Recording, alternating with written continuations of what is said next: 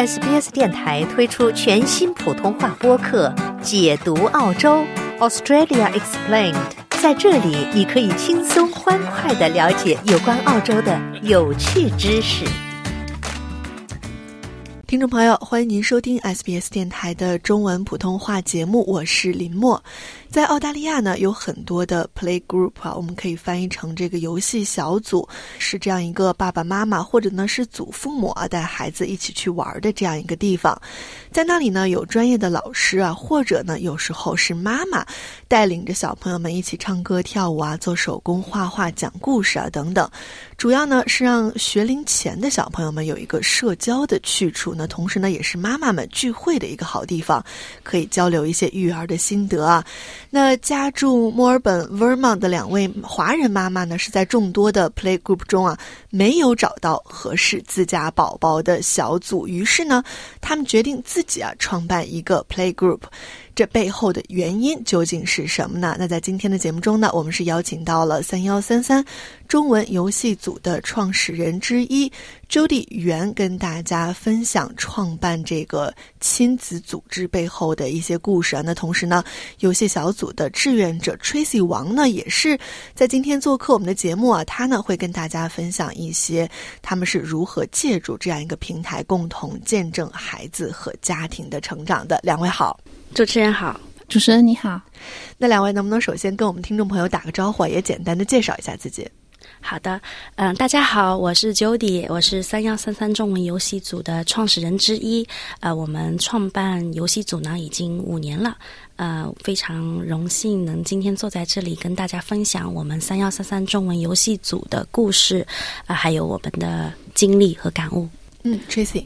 大家好，我是 Tracy，我是三幺三三中文游戏组的志愿者，我是二零二零年底加入这个组织，目前负责小红书运营。其实 Tracy 跟 Jody 也都是两位孩子的妈妈，而且这个 Tracy 的孩子年龄也是非常的小啊，一个四岁多，一个一岁多啊。那在这个照顾孩子的同时，不仅要工作，还要兼顾游戏组的志愿者的工作，也是非常不容易的一件事情啊。那首先啊，想请问 Jody 啊，您是如何受到启发啊，创立了这样一个呃面向学龄前儿童的游戏组？其实我们知道，在澳大利亚有很多很多的 Play Group，在网上也能。搜到很多哈，那为什么没有找到适合自己的这个游戏小组呢？嗯，是的，就是创办初期的时候，我也是在周围找了一圈，呃，我们的这样的 Chinese Play Group，除了有一些是 Church Operating，呃，这样的游戏组，呃，我们自己社区这边呢。嗯，还没有，就是，所以我们当时就是跟另外一位妈妈 Christy，我们就是一拍即合，两个人就创办了这样的一个游戏组。嗯，主要当时我的孩子也只有三四岁啊，所以我们也希望自己的孩子能够有一个中文语境的去玩中学。对这样的嗯搭建起来的这个平台呢，也能够为我们的社区提供这样的一个服务。嗯嗯，那其实从二零一八年到现在，相信您的孩子也已经长大了，可能不需要再去这个游戏组了。但是还是坚持下来，传承下来，有更多的妈妈加入进来了，是这样吗？对的，因为我们在做这个游戏组过程中呢，我们真的发现它的呃社会意义非常的大，呃，它能够让社区的这些妈妈们还有祖父母们到这个平台里面。进行一些链接和分享，嗯，呃，然后呢，我们的孩子们，呃，也在一学期、两学期之后呢，都成了好朋友，嗯，呃，就是这是我看到的，呃，作为游戏组本身，它已经产生的一些。社会价值和意义，嗯，所以我觉得这件事情，希望它能够一直传承下去，继续走下去啊。那您作为一个，嗯，可以说当时是全职妈妈，对吗？照顾两个孩子，而且据我所知是双胞胎，一定是非常的不容易。呃，也没有创办这样一个游戏组的经验啊，是怎么样一步一步开始从无到有来建立这个游戏小组的呢？嗯，我其实不是幼教的 background，所以对我来说，去创办这样一个游戏组本身。应该是没有什么经验的，嗯，我们也是一步步摸索。然后呢，我自己的孩子有上一些早教啊，然后我就会学到一些 skill，呃，还有我们也去参加当地的一些 English 的 play group，嗯，呃，也 get 一些呃 information 啊，然后还有一些。呃，学到他们一些 idea 吧，然后我们就在自己的游戏组里面去 experiment。呃，一开始我们有一个游戏组的志愿者叫瑶瑶，她其实是一个生物学的博士，原来是在韩国，她就有一些那边的一个写早教的经验，都引入到我们游戏组，所以我们当时每一期的活动其实做的非常有声有色，而且都是一个 structure 的，嗯，就是有组织的，是吧？对，有计划，有计划，对，都是提前都 plan 好的。嗯嗯嗯，那是不是呃，当时包括现在，是不是也吸引了很多同频的，希望找到中文游戏组的家长去参与呢？对，非常多。呃，有一段时间，应该是疫情之前吧，我们其实是有一个非常 long 的 waiting list。嗯，那 Tracy 可不可以分享一下，你是怎么样找到这样一个三幺三三中文游戏组的呢？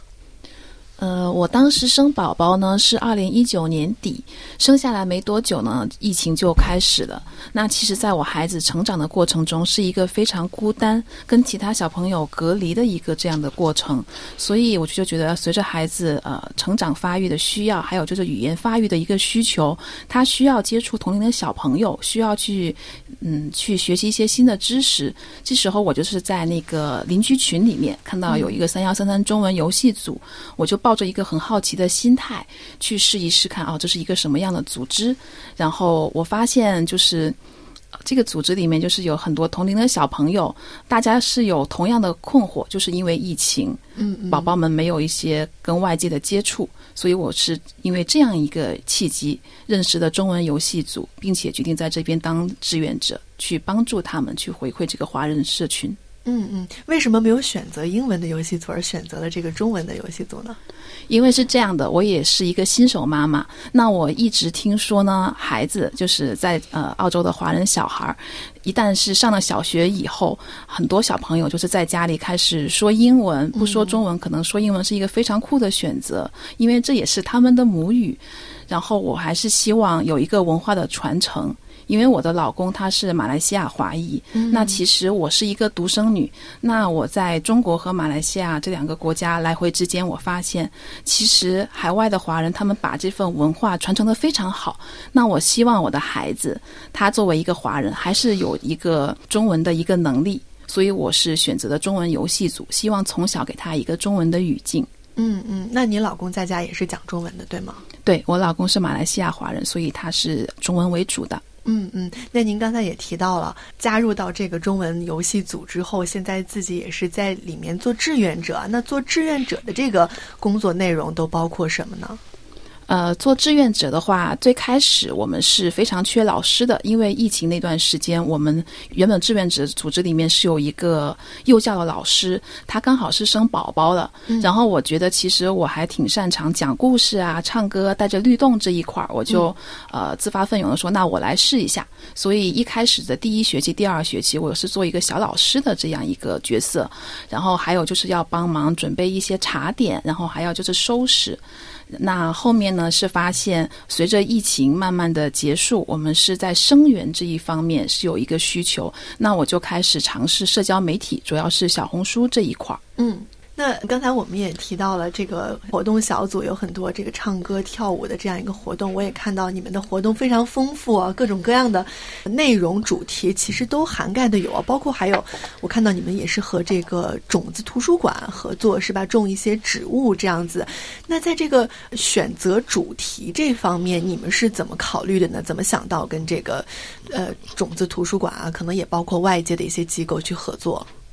我们这个游戏组呢，有一群志愿者组成的智囊团，嗯，我们的群名就叫“三幺三三中文游戏组智囊团”。嗯，这个智囊团呢，就是集思广益啊，大家都是头脑风暴，所以大家在学期的伊始呢，我们会根据日期、季节，先定出节日相关的活动，然后呢，包括中华的传统节日，包比如中秋啊、端午啊，还有西方的节日，圣诞、复活节。万圣节啊，以及儿童节呢，我们都会做一些主题的活动。嗯啊，那跟这个 Seed Library 是，嗯，我们在图书馆里面现在有一个 Seed Library 在我们的社区。嗯，然后我当时看到之后，我就去网上嗯、呃搜索更多的 Seed Library 的内容，然后我就跟他们去发一个 email，就想说他们能不能来我们游戏组做一个这样的 introduction，嗯呃，把这个 Seed program 介绍给小孩。嗯、当时这个 Seed Library 其实是 based in WA，在嗯西澳啊、然后呃，他非常的 interest，就是说觉得我们游戏组这么早期就开始介绍这个植物在我们的教学中，嗯。他们也非常想给予支持，所以就给我寄了大概三十多包这个种子过来。还挺多的。啊。嗯，对，就是给我们这个游戏组，然后我们就在春季播种的主题里面，我们就派发给其他小朋友，就是目的其实就是想让我们游戏组的活动呢，保障它的多样性，让孩子们呢有不同的体验，啊、另外呢，他能够接触到方方方面面。嗯，那你们觉得在这些亲子活动中啊，大家最感兴趣的活动是什么？小朋友们或者是家长们，他们最喜欢的或者觉得最有意义的活动有哪些呢？我觉得家长们和孩子们比较喜欢的是我们的手工环节，哦就手工活动是，呃，一般是第二个半小时。这个手工环节是非常就是 involve 嗯 parents 和 children，、就是一个亲子的环节。嗯然后很多时候其实是妈妈们还有祖父母们做的很心很开心，呃，因为它是一个让孩子们有一个 fine motor skill，嗯嗯呃嗯提高他们的精细动作是哎吧？，动手能力，嗯还有就是这个妈妈和祖父母跟宝宝之间，他们有一个这样的互动。呃，其实我们每一次有一个专业的摄影师，都会把他们一张一张的这个亲子照片给记录下来，嗯也是就是非常珍贵的记忆啊。非常珍贵的记忆。嗯当你回头来看，现在我孩子已经九岁了嘛，我经常会翻看他们以前在游戏组，或者说在他们这个成长过程中这样子的一个亲子图片和画面，呃，是非常温馨的。然后，其实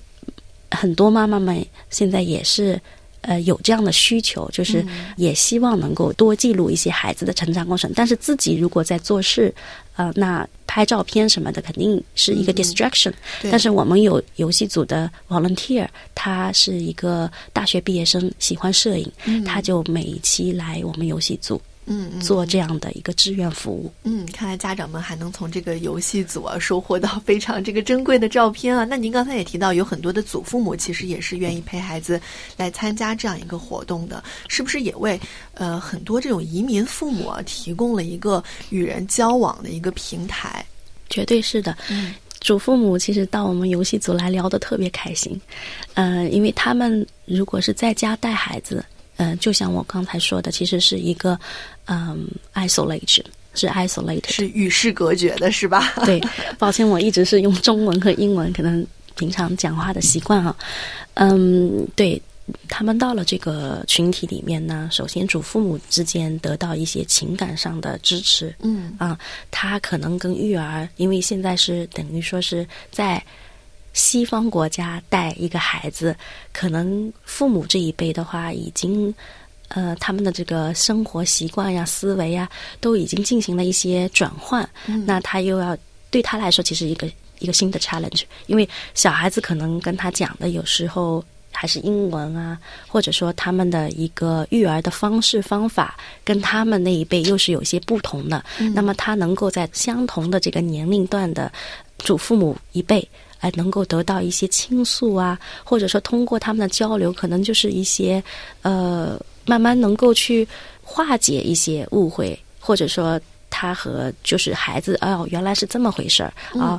可能就是也在帮助他适应这里的生活。没错，其实很多移民父母来到澳大利亚遇到的一个问题就是孤独，他们离开了在祖国交往了很多年的朋友，包括亲人啊，来到澳大利亚照顾孩子，可能每天面对的就是孩子，要不然就是子女。很多时候他们没有这个机会跟朋友去倾诉，跟朋友去交流，是不是这样的一一些活动也让他们哎扩大了自己的朋友圈啊？可以说是帮助自己去克服这种孤独的感觉。对，在游戏组以外呢，他们已经就是结成了这些友谊嘛，他们私下也会加了微信，然后呢一起约着去遛蛙、去公园见面呢。我觉得对他们的身心健康都是非常好的。也有研究表明，就是祖父母和孩子们。经常在一起的是这种互动哈，对他们两方的呃身心健康都是非常有益的。嗯，所以我们游戏组相当于是就是提供了一个 platform 一个平台。嗯嗯，链接了很多这个祖父母，特别是可能语言不通的这个祖父母来到我们中文的游戏小组会更加的方便啊，用母语去交流，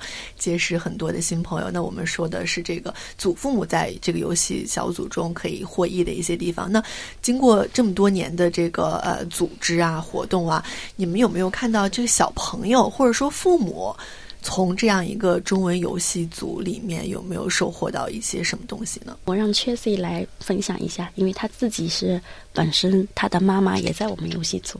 所以应该会有很多的体验。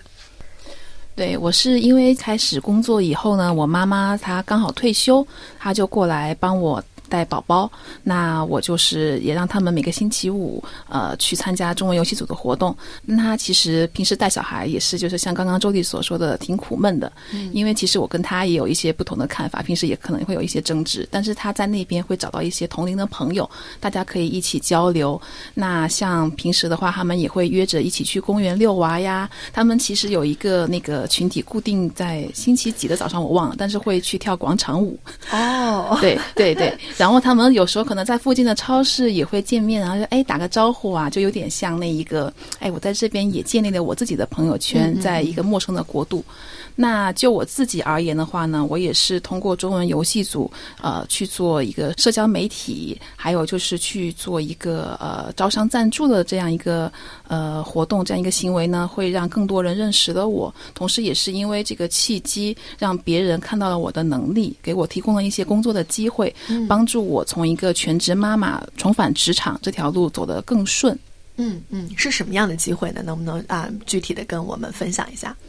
那其实主要就是啊，去年圣诞节就是我就是有给我们邻居群的那个圣诞晚会招商，需要去认识一些品牌方。那在可能就是我们就是这个沟通的过程中啊，还有就是我工作的态度，他们会觉得嗯。这个女生其实是有一定的能力以及责任心的，那他们就是会觉得，那我的公司会有这样一个职位，比如说，因为你又是一个妈妈，你会了解妈妈，也会了解宝宝。那如果我的公司会有一个呃市场营销的职位啊，或者是母婴品牌方面的一个职位，他们都会提供给我，所以确实是有。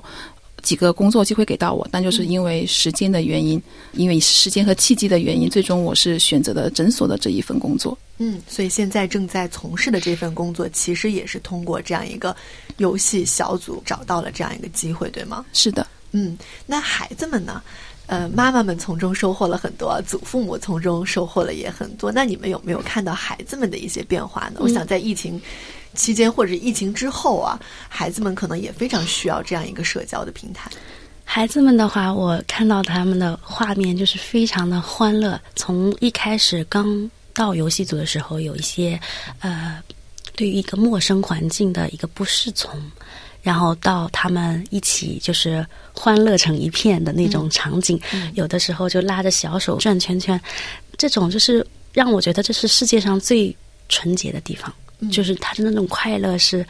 这些孩子们自发的，就是一开音乐，他们就是蹦蹦跳跳的，已经对我们这个游戏组就非常的适应。一个学期下来，他们自己有了自己的朋友，他会 miss 他的 friend，就是有一个 friend 他可能今天没有来呀，呃，他其实是有所期待的，就是他们之间自己有已经有一个友谊。另外呢，对孩子们的一个入园有一种适应，因为我们游戏组的这个有自己的一个规。规律嘛，呃，孩子们已经适应了这样的一个规律，呃，前半个小时自由活动，半个小时我们做手工，手工完之后他们自己去洗手，洗完手我们就吃我们的 morning tea，然后呢，最后半小时我们有故事和律动。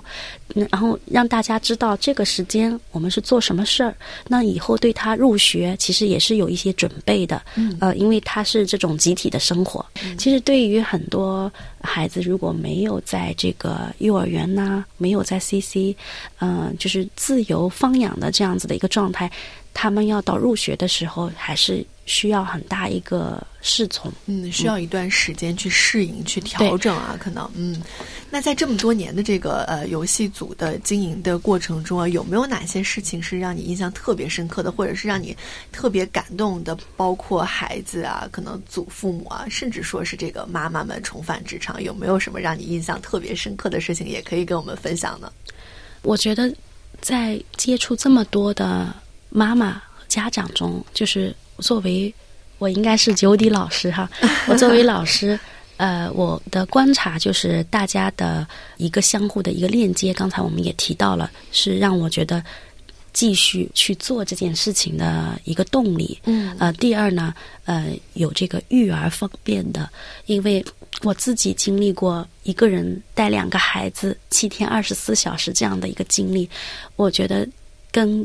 外界的世界去链接，去跟他有相同的这样的一个。共情和分享是非常重要的。嗯，那我觉得咱们这些妈妈们在这个平台上达成了链接，那种相互的支持和赋能，呃，也是让我觉得，呃，这是游戏组衍生出来以外的一个非常大的一个价值。然后我有一个案例吧，有一个妈妈呢，呃，她到游戏组之后，经常会因为一些很小的嗯孩子的过错。也可能不是过错，就是一个 accident。嗯，他会发脾气，嗯，而且是在很多人的面前。那我观察到这个事情呢，作为老师来说的话，我肯定是希望那个我们的教室环境是一个其乐融融、呃充满爱的环境，然后也不希望这个小孩子呃受到这样子的一个批评，嗯，或者说有其他的家长对这个妈妈有一些。异样的眼光，哎，有一些异样的眼光。呃，这个事情呢是有好几次这样发生了之后，我就觉得我有必要找这个妈妈谈一下。呃，并不是说，哎，就是拉出来自己谈话这种，我是真的想要去排解一下，去发现他的一个原因。嗯，那我因为我自己是经历过这样子的一个，也是有这样的 emotion，因为带娃过程中。本来就很 exhausted，很累，然后你小孩子没有就是按照你想要的这个方式去做，比方他的把种子撒撒了一地，或者说他在吃早茶的时候没有好好吃，嗯，其实都是一个孩子非常正常的一个行为，嗯，但是因为你在极度疲惫或者是精神压力很大的过程中，你去责备他，就是一个自然而然的反应，所以其实他的问题不在于孩子。问题也不在于妈妈，嗯，是他需要去疏解这样的情绪。所以有一次，我们就是 morning tea 发生了这样的一个情况，就气氛非常的僵。我就拿着我的茶。啊，我就把妈妈说，我们出去喝个茶，聊一下。然后剩下的这些妈妈们都帮忙照顾这个宝宝，而且他在这个大家照顾的这个环境中，孩子表现的非常好。嗯，然后我和妈妈呢也有一个深度的交谈，我就跟她分享了我自己的这个经历，然后我也去发现她的这个丈夫呢也是 full time，就是全职工作，基本上带娃的这个事情也是都落在了她的身上。嗯，而且大部分的。呃，家庭都是这样子的一个社会分工嘛，因为孩子年幼，一般妈妈都会是分配去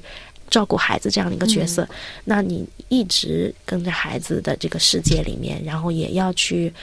这个阶段的话，刚好有我们都是嗯叫做 terrible two，terrible two，呃 两岁，哎，terrible two，horrible three，对，大概这个阶段就就孩子也会有很很多的这个 tantrum，对，或者说他真的有的就是。想要调皮捣蛋，因为他在 explore 这个世界嘛。嗯。然后我就跟他说，现在这个孩子刚好是处于这个时期，呃，然后呢，他自己可能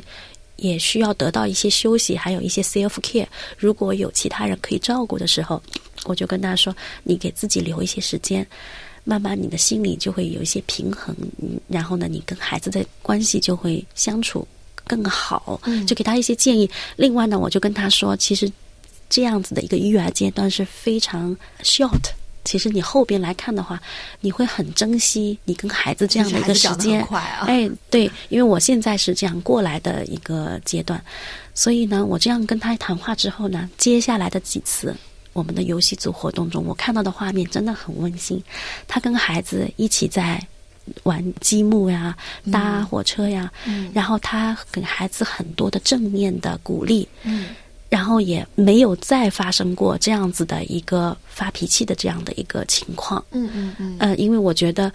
他的这个情绪被正视了，然后呢，他自己也进行了一个深思，然后可能也进行了一个疏解，或者他也找到了这个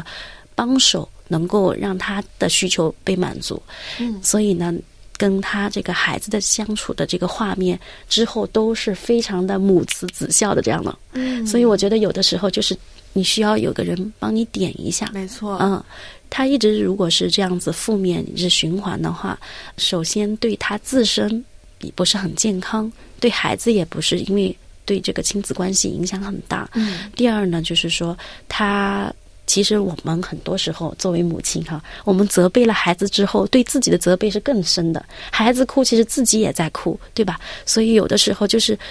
我觉得在亲子教育这一块上，嗯，我们之所以在年初我们开通了 Parent Effectiveness Training，是专门针对了家庭父母效能训练。嗯嗯啊，我们进行了这样一个培训，我们很多游戏组的志愿者都参加了。嗯我们也希望有更多的人来接触这一块的知识嗯啊、嗯然后真的你会很理性的去思考一个 situation。没错，可见就是妈妈和妈妈们之间的沟通有多么的重要，能产生多么好的这样一个结果。可能那位妈妈她自己都不知道问题出在哪里，但是当她跟别的妈妈一起交流，或者说像呃 Judy 这样的过来人哈，嗯能够看到这位妈妈可能在照顾孩子的过程中是遇到了一些什么样的问题，简单的几句话可能就帮她找到了答案。那是不是在这样一个呃游戏组的沟通交流的过程中，妈妈和妈妈们之间也是产生了很多的链接啊，会去互帮互助？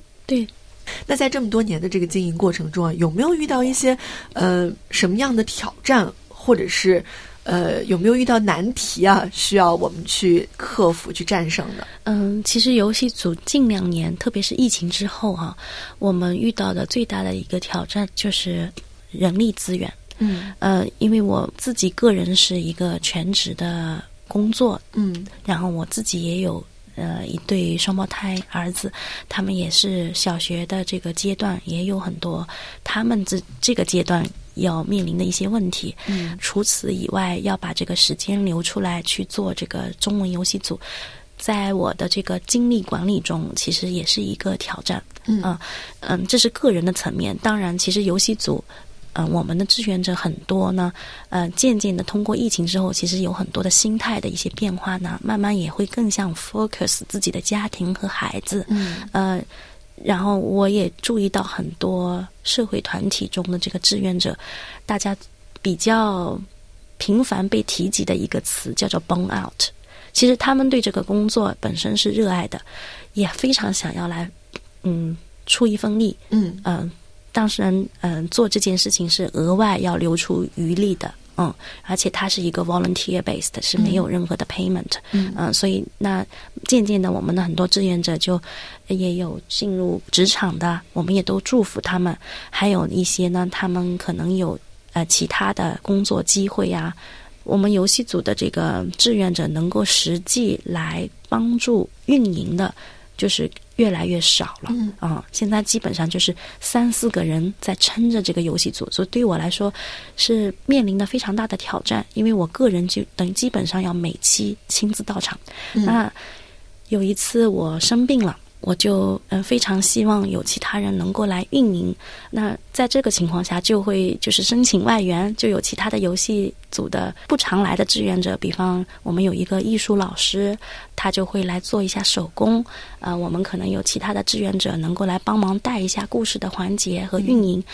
就能够把这一个 cover 过去，但是这并不是一个长期的 solution。我们的长期的得到问题解决，还是希望能够有源源不断的社会力量能够来支持咱们这个游戏组，或者说有这样的志愿者们能够来轮流做。第二个面临的问题就是咱们的资金，因为我们的 play group 呢，我们没有去注册一个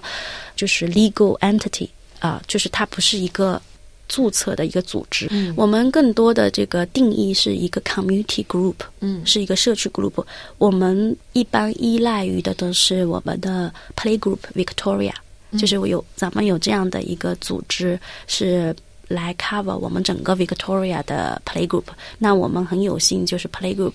哎，我得知了之后去注册了之后，至少在保险的问题上面，我们就是 cover 了，用一年是五十刀的年费，所以我们每年会拿到那个 Certificate of Currency。在我不知道有这个资源之前，我们一直付着七百多澳币一年的保险。另外呢，Playgroup Victoria 会定期给我们推送一些网络的资源呢，还有一些做 craft 的一些 idea，就是我们会跟这个大的这个 umbrella 呃组织去进行一个链接和交流。在我做游戏组过程中，其实我也跟他们直接进行了两次这种 meeting，也表达了我们现在有的这样的一个困境啊。运营游戏组，首先它本身就是 volunteer based。呃，没有任何的 funding，嗯，然后再加上大家都是自愿为原则，总的来说总会有人员的一些流失啊，也不能对志愿者进行一个怎样硬性的要求，对，所以在这种情况下，要保障它的一个长期运营，其实我个人还有其他几位主要的志愿者是承担起了主要的一个责任和力量，嗯。呃，那么今年呢，我确实也是在做一个打算，就是可能我们游戏组的每周五这样子的一个活动可能会进行一个暂停，确实是因为人力资源的缺失。嗯，那这个故事组啊，虽然说周五的活动呃暂停了，但是还是会一直持续下去吗？或者有一些其他的活动会继续下去吗？是的，尽管我们游戏组可能不能在每一周呃这样去。服务大家，但是我们会在一年中进行两到三次大型的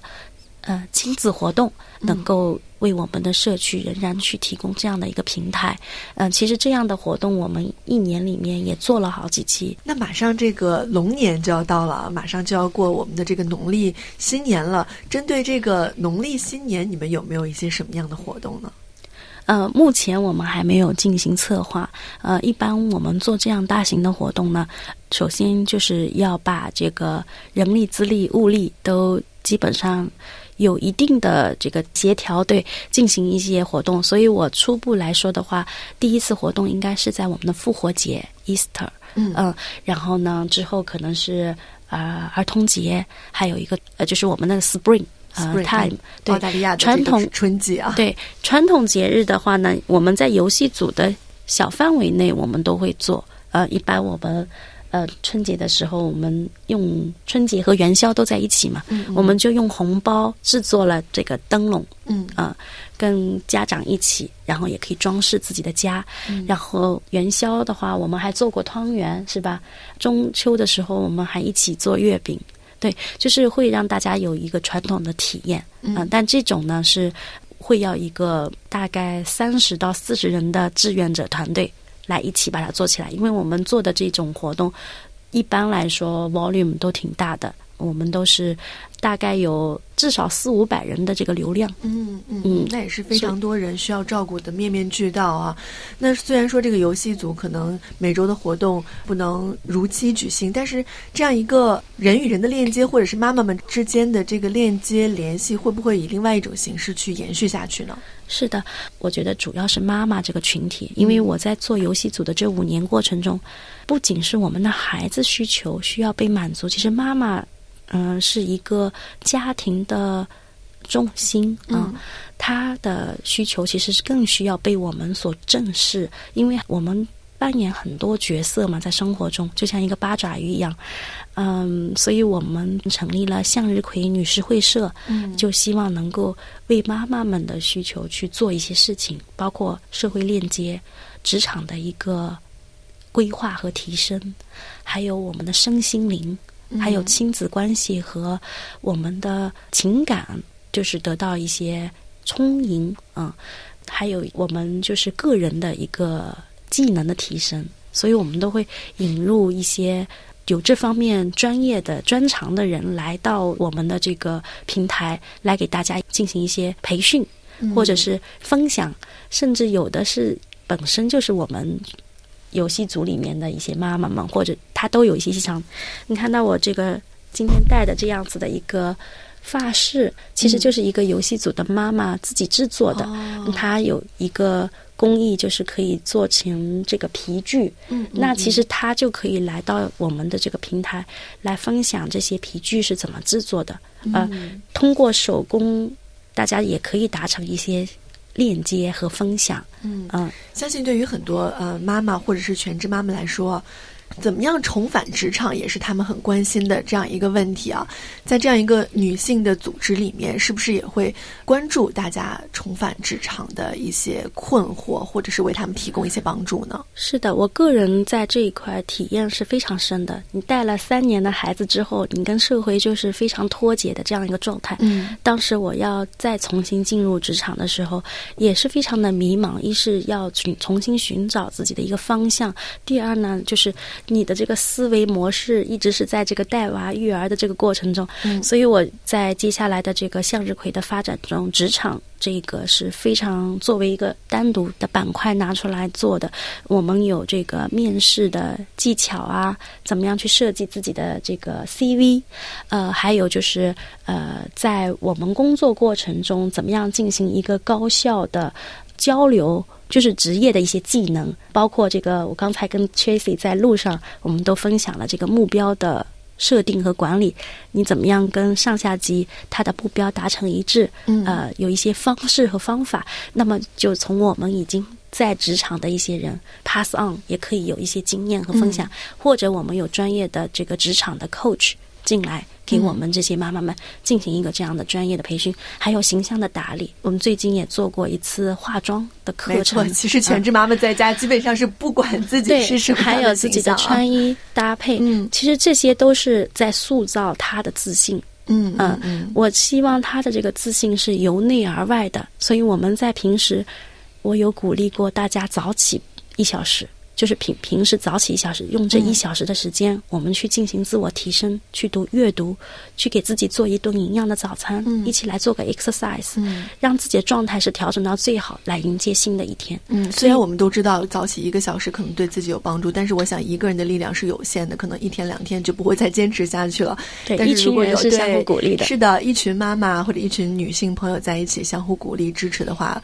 可能能够持续更长的一段时间啊，也是非常有意义的一件事情。那最后啊，想请问两位，对于这个亲子教育或者是这个家庭互动啊，有没有一些什么样的建议可以分享给我们的听众朋友或者是一些啊妈妈们？亲子教育的这一块呢，我可能会引用我在父母效能培训里面学到的一些，就是首先是跟孩子的一个共情，嗯嗯。去了解他的需求，然后呢，呃，对他进行一个回应，呃，就是很多时候我们其实是需要去倾听，嗯，多一些倾听，无论是对孩子，或者是对自己的另一半，嗯，进行倾听，了解他的需求，然后针对他的需求去做出这样的回应，呃，有的时候哈，很多的问题其实已经就解决了，或者说在讲的过程中，他有这样的一个排解，呃。你的情绪其实已经就 calm down。对，另外一个呢，还是要有自我关爱。嗯，就是特别是妈妈们，她自己的呃需求要被正视，然后呢，有自己留出一部分的时间给自己。嗯，然后呃，自己不要放弃自己的一个提升。对，因为我们一直是一个 provider，是服务者，我们为我们的孩子去服务。为我们的嗯家庭一直在服务，嗯，但是很很多时候就是也要为自己呃去做一些打算。嗯，那其实呃他的状态好了，对整个家庭关系就是很好。就刚才我也提到，就是都说 happy wife happy life，现在其实是 happy mom happy family。嗯，没错啊，其实妈妈这个角色在一个家庭中真的是非常的重要。那 Tracy 有没有什么样的心得想跟我们的听众朋友来分享呢？那其实，呃，我跟我先生，我们算是比较年轻的夫妻。那我们两个都非常爱旅游，所以目前我们觉得，希望带着两个小孩呢，可以就是通过就是旅游的方式来探索这个世界。那其实他们两两个的年龄非常小，但已经是去过很多国家的。嗯，那我就是觉得，呃。虽然说带着两个小朋友去旅游，真的不是度假，只是换一个地方带娃，但我真的是很欣慰。他们的语言能力呀，然后还有就是独立的能力是得到了很多的提升，还有包括他们待人接物，还有他们就是懂礼貌啊，然后适应这个社会的法则，我觉得都是在一些我们没有刻意去强调这些事情的情况下得到了一个提升。这个是我希望我们的孩子可以快乐的成长，快乐的探索这个世界。这个是我们的育儿心得。嗯，那。呃，一个一岁，一个四岁的孩子，都带他们去了哪些地方？可以跟我们分享一下吗？那其实澳洲的话，我们就是有去过昆士兰，然后墨尔本的周边都玩过了，然后还有塔斯马尼亚、悉尼。那我们出国的话，是去了马来西亚、巴厘岛、马尔代夫，然后还有中国、新西兰这一些地方。嗯嗯嗯，对于这么小的小孩子来说，可能去这么多地方真的不是一件容易的事情啊。看到他们去完这些地方回来之后啊，有没有？一些什么不一样的地方啊？我是觉得，因为我女儿给我的感受是最大的。她是一个语言发育比较迟缓的小朋友，然后她是从最开始十三个月来到游戏组，就是抱着我就妈妈妈妈那一种，就是不肯撒手，像一个考拉一样。到我们现在就是呃，通过就是参加游戏组，通过出去旅游，她现在变得落落大方，她已经是可以自己去跟陌生人说话。比如说她在巴厘岛的酒店，她想要鱼食去喂小鱼，她的英文能力，她就会说个 fish，她就。直接去找那个服务员姐姐说 fish fish，人家就会问他啊，你是不是想要那个鱼食呀 fish food 啊 yes yes，然后他真的是得到了成长，然后我发现他吃饭也变好了，不挑食了是吗？对，真的好很多。因为出去旅行的时候可能没有太多食物的选择，对，是的，配合他的胃口，对，嗯，也是显而易见的一些变化。作为父母们看到，应该也是非常的开心。那今天也是非常感谢 Jody 和 Tracy 两位做客节目，跟我们分享了他们呃创建包括运营这个游戏组背后的一些故事，以及呢分享了很多的育儿心得给我们。也再次感谢两位，谢谢，谢谢林默，谢谢林默。喜欢、分享、评论，欢迎您在 Facebook 上关注 SBS 普通话页面。